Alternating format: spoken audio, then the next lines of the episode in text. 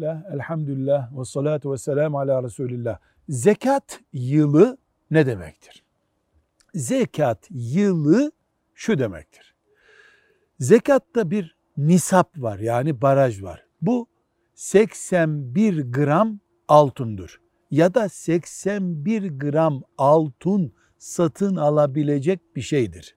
Para olur, döviz olur veya işte mücevher olur, dükkanda mal olur.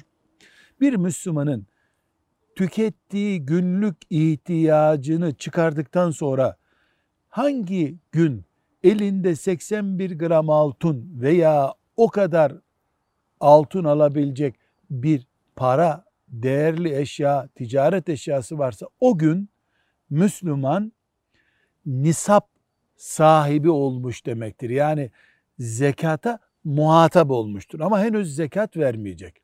Bunun üzerinden 355 gün yani hicri takvimle bir yıl geçtikten sonra duruyorsa o rakam veya yukarı doğru çıktıysa daha fazla olduysa zekat verecek demektir. Mesela örnek verelim.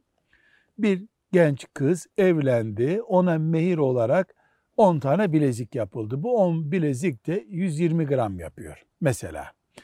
Bu nisap dediğimiz rakamın yukarısındadır. Dolayısıyla onun için nisap başladı. Ama henüz zekat vermeyecek.